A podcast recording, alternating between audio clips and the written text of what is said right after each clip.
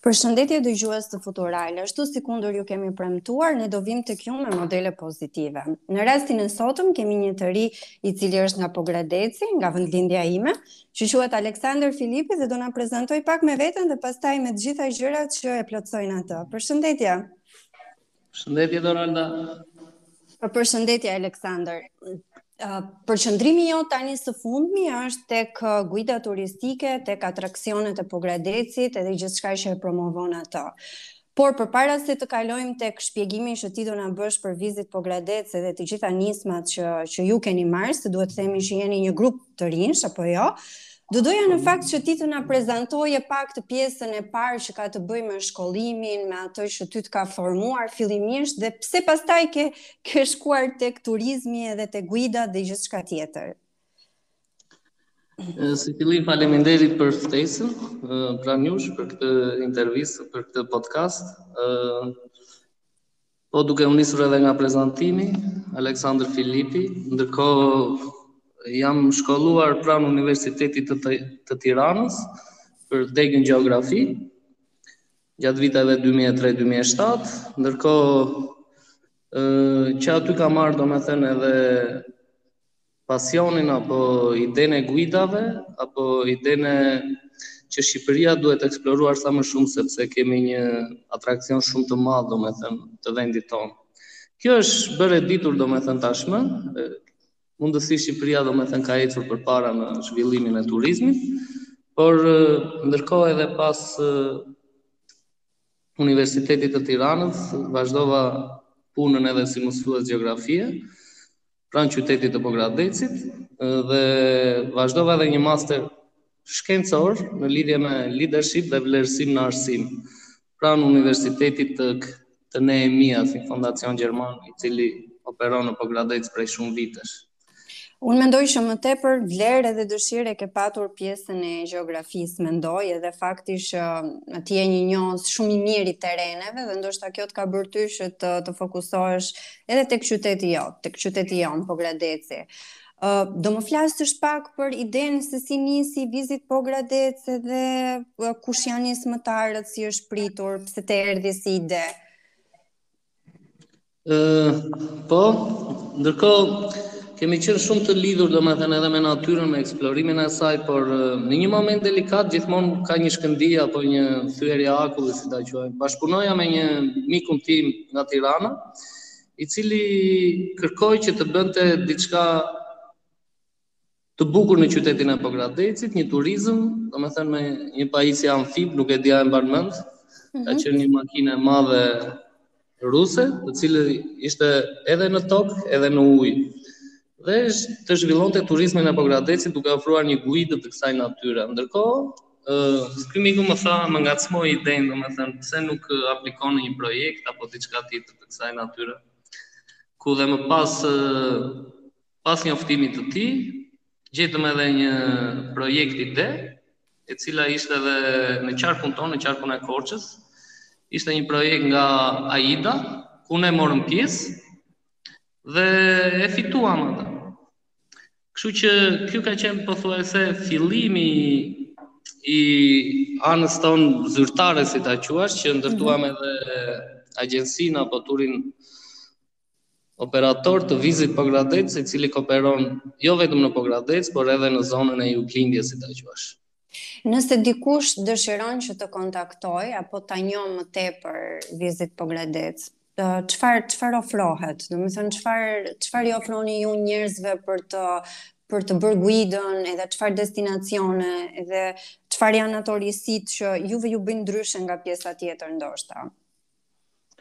Okej, ndërkohë Meqë ishim edhe pak më përpara, domethënë tek ky projekti, projekti rezultonte i fituar në lidhje me sportet outdoor, me guidën turistike hiking edhe biking, domethënë biçikletë në mal apo dhe në rrugët të, të tjera.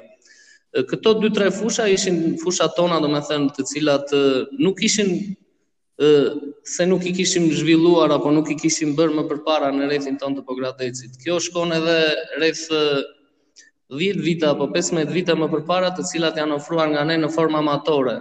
Vetëm ne dhe shoqëria tonë dilnim dhe eksploronim, ndërkohë quheshim edhe paksa si jashtë mode në atë kohë në lidhje me eksplorimin e natyrës e të tjera. Por më pas këtij projekti erdhi dhe një projekt i dytë, i cili kishte të bënte me sportet ujore, mhm. ku kemi ndërtuar dhe një qendrën tonë në rrethin e Pogradecit, diku afër plazhit dhe aty i ofrojmë të gjitha mundësitë e guidave të ndryshme të cilat i ofrojmë. Gjatë sezonit të Të dimrit ofrojmë guidat e hiking, biçikleta sidomos është më shumë në sezonin gjatë pranverës edhe verës, edhe vjeshtës, ndërkohë gjatë sezonit të verës në Grodë si ta quajmë kemi me sportet ujore. E kuptoj. Përpara disa sekondash më thoshe në fillim, kur ne bënim ato guida tona, hiking, um, ishim jashtë mode. Ka ndryshuar mendimi për sportin, për ngjitje në mal apo çdo aktivitet tjetër fizik që ka të bëjë me guidën turistike? Domethënë, jeni ende jashtë mode? po, pyetja shumë interesante.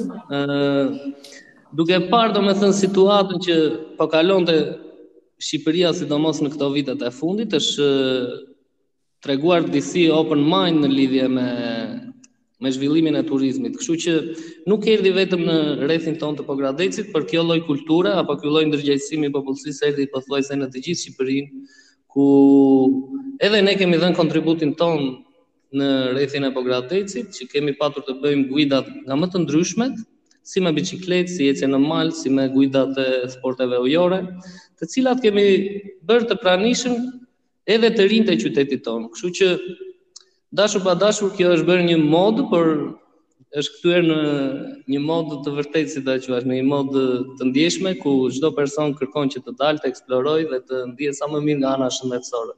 E kuptoj. Pra ju tashmë jeni in, jeni, jeni në modë, nuk e ndjeni më veten ashtu sikundër e ndjenit më përpara. Po, um, po, fiks në modë. Cila, cili është sporti më i preferuar? Domethënë, um, ajo që ju kontaktoheni më tepër nga, nga njerëzit e interesuar dhe ju thonë që um, ky sport është më i preferuari dhe vijnë dhe e bëjnë vazhdimisht atë. Uh, Zakonisht të gjitha sportet janë të bukura po varet sipas pritshmërive të personit apo të turistit, le ta quajmë. Mm -hmm. Ose në qoftë se i kryen të gjitha sportet këto që përmendëm pak më lart, është shumë e bukur që të quhesh edhe i kompletuar nga ana e sportit. Një sportist i mirë apo një turist që kërkon të eksplorojë, mjafton që t'i ofrojë Mjafton që t'i kërkojë dhe t'i gjejë domethënë mundësitë e zhvillimit të këtyre sporteve, sepse ato janë pothuajse të ngjashme me njëra-tjetrën, por të cilat kanë atë rëndësinë e tyre. Për shembull, biçikleta është një nga sportet më popullore në botë, ku edhe ne këtu në qytetin e Pogradecit është një qytet natyral i lidhur shumë me natyrën dhe biçikleta është një mjet shumë i mirë edhe për transport, edhe për të dalë, edhe për të guida, edhe për çdo gjë tjetër. Ndërkohë edhe alpinizmi ose po, marshimi. Po për ata që nuk dinë ta ngasin biçikletën si puna ime si vepron, po ne ju mësojmë. I kemi bërë ofertat me kohë për të mësuar biçikleta, po varet nga pasioni i individit. Aha. Sport tjetër domethënë është alpinizmi ose marshimi në mal, ajo ecja në natyrë jep një efekt shumë pozitiv tek adrenalina e njeriut, domethënë të mbush me energji gjatë gjithë kohës, sidomos rekomand edhe në kohë pushim kur jemi në gjatë fundjavave ose të cilat japin një energji shumë të fortë për gjatë javës, është diçka shumë pozitive. Mjafton vetëm të kesh dëshirën edhe pasionin e duhur, ndërkohë pjesa tjetër vjen. E drejtë. A ke ti një atraksion tëndin personal që të pëlqen më tepër nga nga zona? Domethënë një vend ku ti sa herë do do shkoje, do ndihesh shumë mirë që ishe aty dhe do ta rekomandoje tek të tjerët. Mm, ok.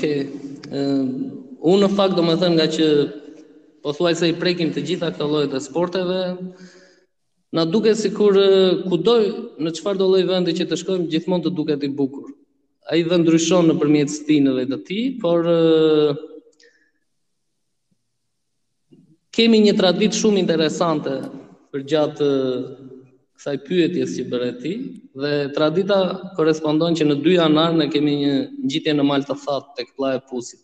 Mhm. Dhe është një pamje e dy liqeneve, si ta quajmë, liqenin e Ohrit edhe liqenin e Prespës. Është një itinerar shumë i bukur dhe finalizohet domethënë me Pllajën e Pusit, 2287 metër, ku është një atraksion vjetor, le ta quajmë në 2 janar, domethënë pas një viti të ri siç e festojmë ne,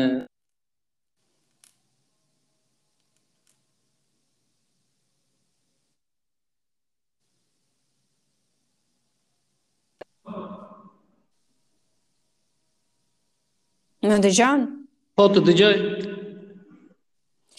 Pas një viti të ri, siç e festojmë ne, Me shumë energji ne i djegim atje ku e përmendëm. është një atraksion shumë i bukur, domethënë. Si është marrëdhënia juaj me, me të huajt? A ka vizitorë të huaj që ju kontaktojnë? Vizitorë të huaj ka, ata janë në të disa llojeve, janë individualë apo janë në grupe apo me grupe të vegjël, ku kemi ndërtuar edhe ne ato kontaktet tona, të cilët duan që të vizitojnë dhe të eksplorojnë zonën tonë të juglindjes, jo vetëm të Pogradecit, sepse Konsiderohet që nesër pasnesër mund të bëhet një paketë suplementare ose një paketë e plotë, si ta quash, vetëm rajoni i Juglindjes, sepse ofron dy liqene shumë të bukur, tre liqene si ta quash, liqen e Prespës, liqen e Ohrit, ofron një në thellësi të të tokës, sidomos në zonat e thella, në zonat e Voskopojës, në zonën e Mokrës, në zonën e Gorës, Oparit, të Vithkuqit, të Moravës në Korçë e të tjera të gjitha të cilat këto plotësojnë njëra tjetrën.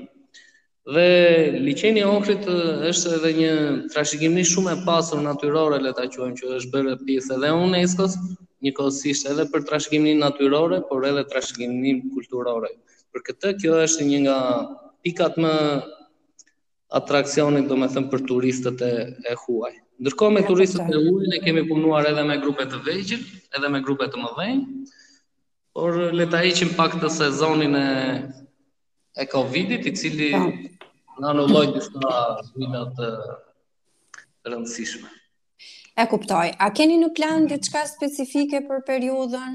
Domethënë unë e di ti pak më herët më the që jemi duke duke punuar tek varka. Do na i shpjegosh pak ne dëgjuesve të Futuralit çfarë është edhe si mund t'vijmë ta vizitojmë edhe ku mund ta gjejmë dhe gjithçka tjetër. Ok, po varka apo një ambient është e kemi krijuar përgjatë vitit të kaluar, ky është viti i dytë i joni, është një qendra jonë Visit Pogradec, Explore Pogradec, ku bëjmë të mundur, domethënë aktivitete të ndryshme sportive, që është pikënisja jonë, domethënë e këtyre aktiviteteve, të sporteve ujore dhe të biçikletave njëkohësisht. Ë këtu kërkojmë që gjatë këtij viti të organizojmë edhe të hapim një mini shkollë të vogël ose një klub sportiv në lidhje me kanotazhin, domethënë me kanoe. Mm -hmm. Dhe të kemi një grup moshe të vogël të cilët të ndërgjegjësohen një çik në lidhje me sportet ujore dhe ta trashëgojnë atë gjatë gjatë jetës së tyre ose në vitet në vazhdim. Por ofrojmë domethënë në disa lloje sportesh ujore, si windsurf, kanoe, stand up paddle dhe disa sporte të tjera që janë me tërheqje me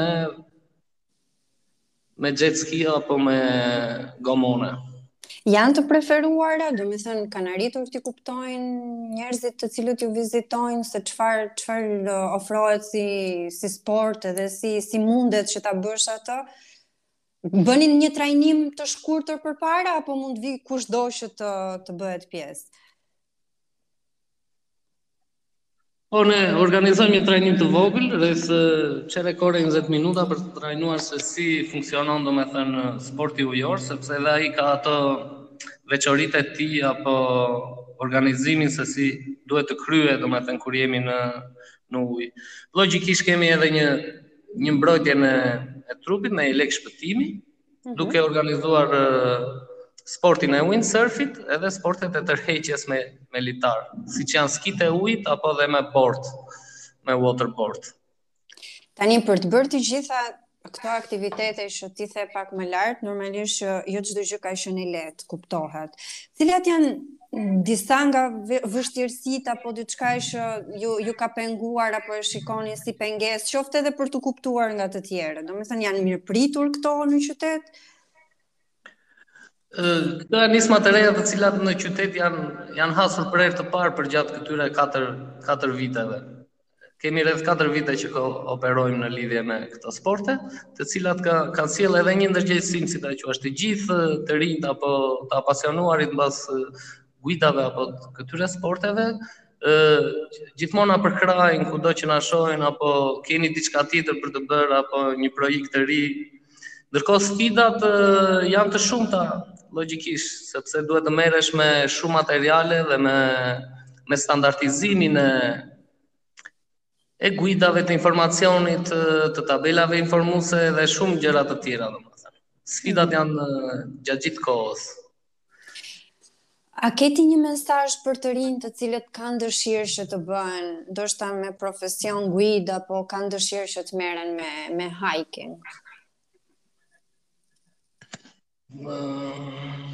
Besoj se po, ë Po si fillim ngaqë jam edhe me profesion edhe mësues edhe me guj, domethënë ne kemi si parim që nxënësi apo fëmija duhet të orientohet tek pasioni tek pasioni i tij, te ajo që që, që ndjen, që ta të standardizojë dhe të ecë atje ku ai dëshiron. Njëkohësisht e njëjta gjë ka mbetur edhe në lidhje me guidën sportive, të cilët ata persona të cilët janë të specializuar apo duan që të vazhdojnë më tej, ajo ka një të ardhme përpara sepse Shqipëria sa po vjen edhe po hapet më shumë rreth rreth turizmit. E kuptoj. Uh, përveç gjërave që ju na ofroni, nëse një njeri vjen në Pogradec, çfarë çfarë do bëjë në kohën e lirë? Domethënë, ça ça bëni ju në kohën e lirë? Ejani na takoni ne. Që do të thotë? Që do të thotë, kemi një sfidë përpara dhe le ta zgjidhim atë. e kuptoj. Uh, nëse do dëshiron që të shtosh diçka në raport me një projekt që ju keni në të ardhmen apo një synim tuaj në raport me punën edhe me gjithçka tjetër që bëni, jo vetëm për veten, por edhe për qytetin. Ne jemi të shumë të lidhur edhe me liqenin tonë, me liqenin e Pogradecit, me liqenin e Dritës, kështu që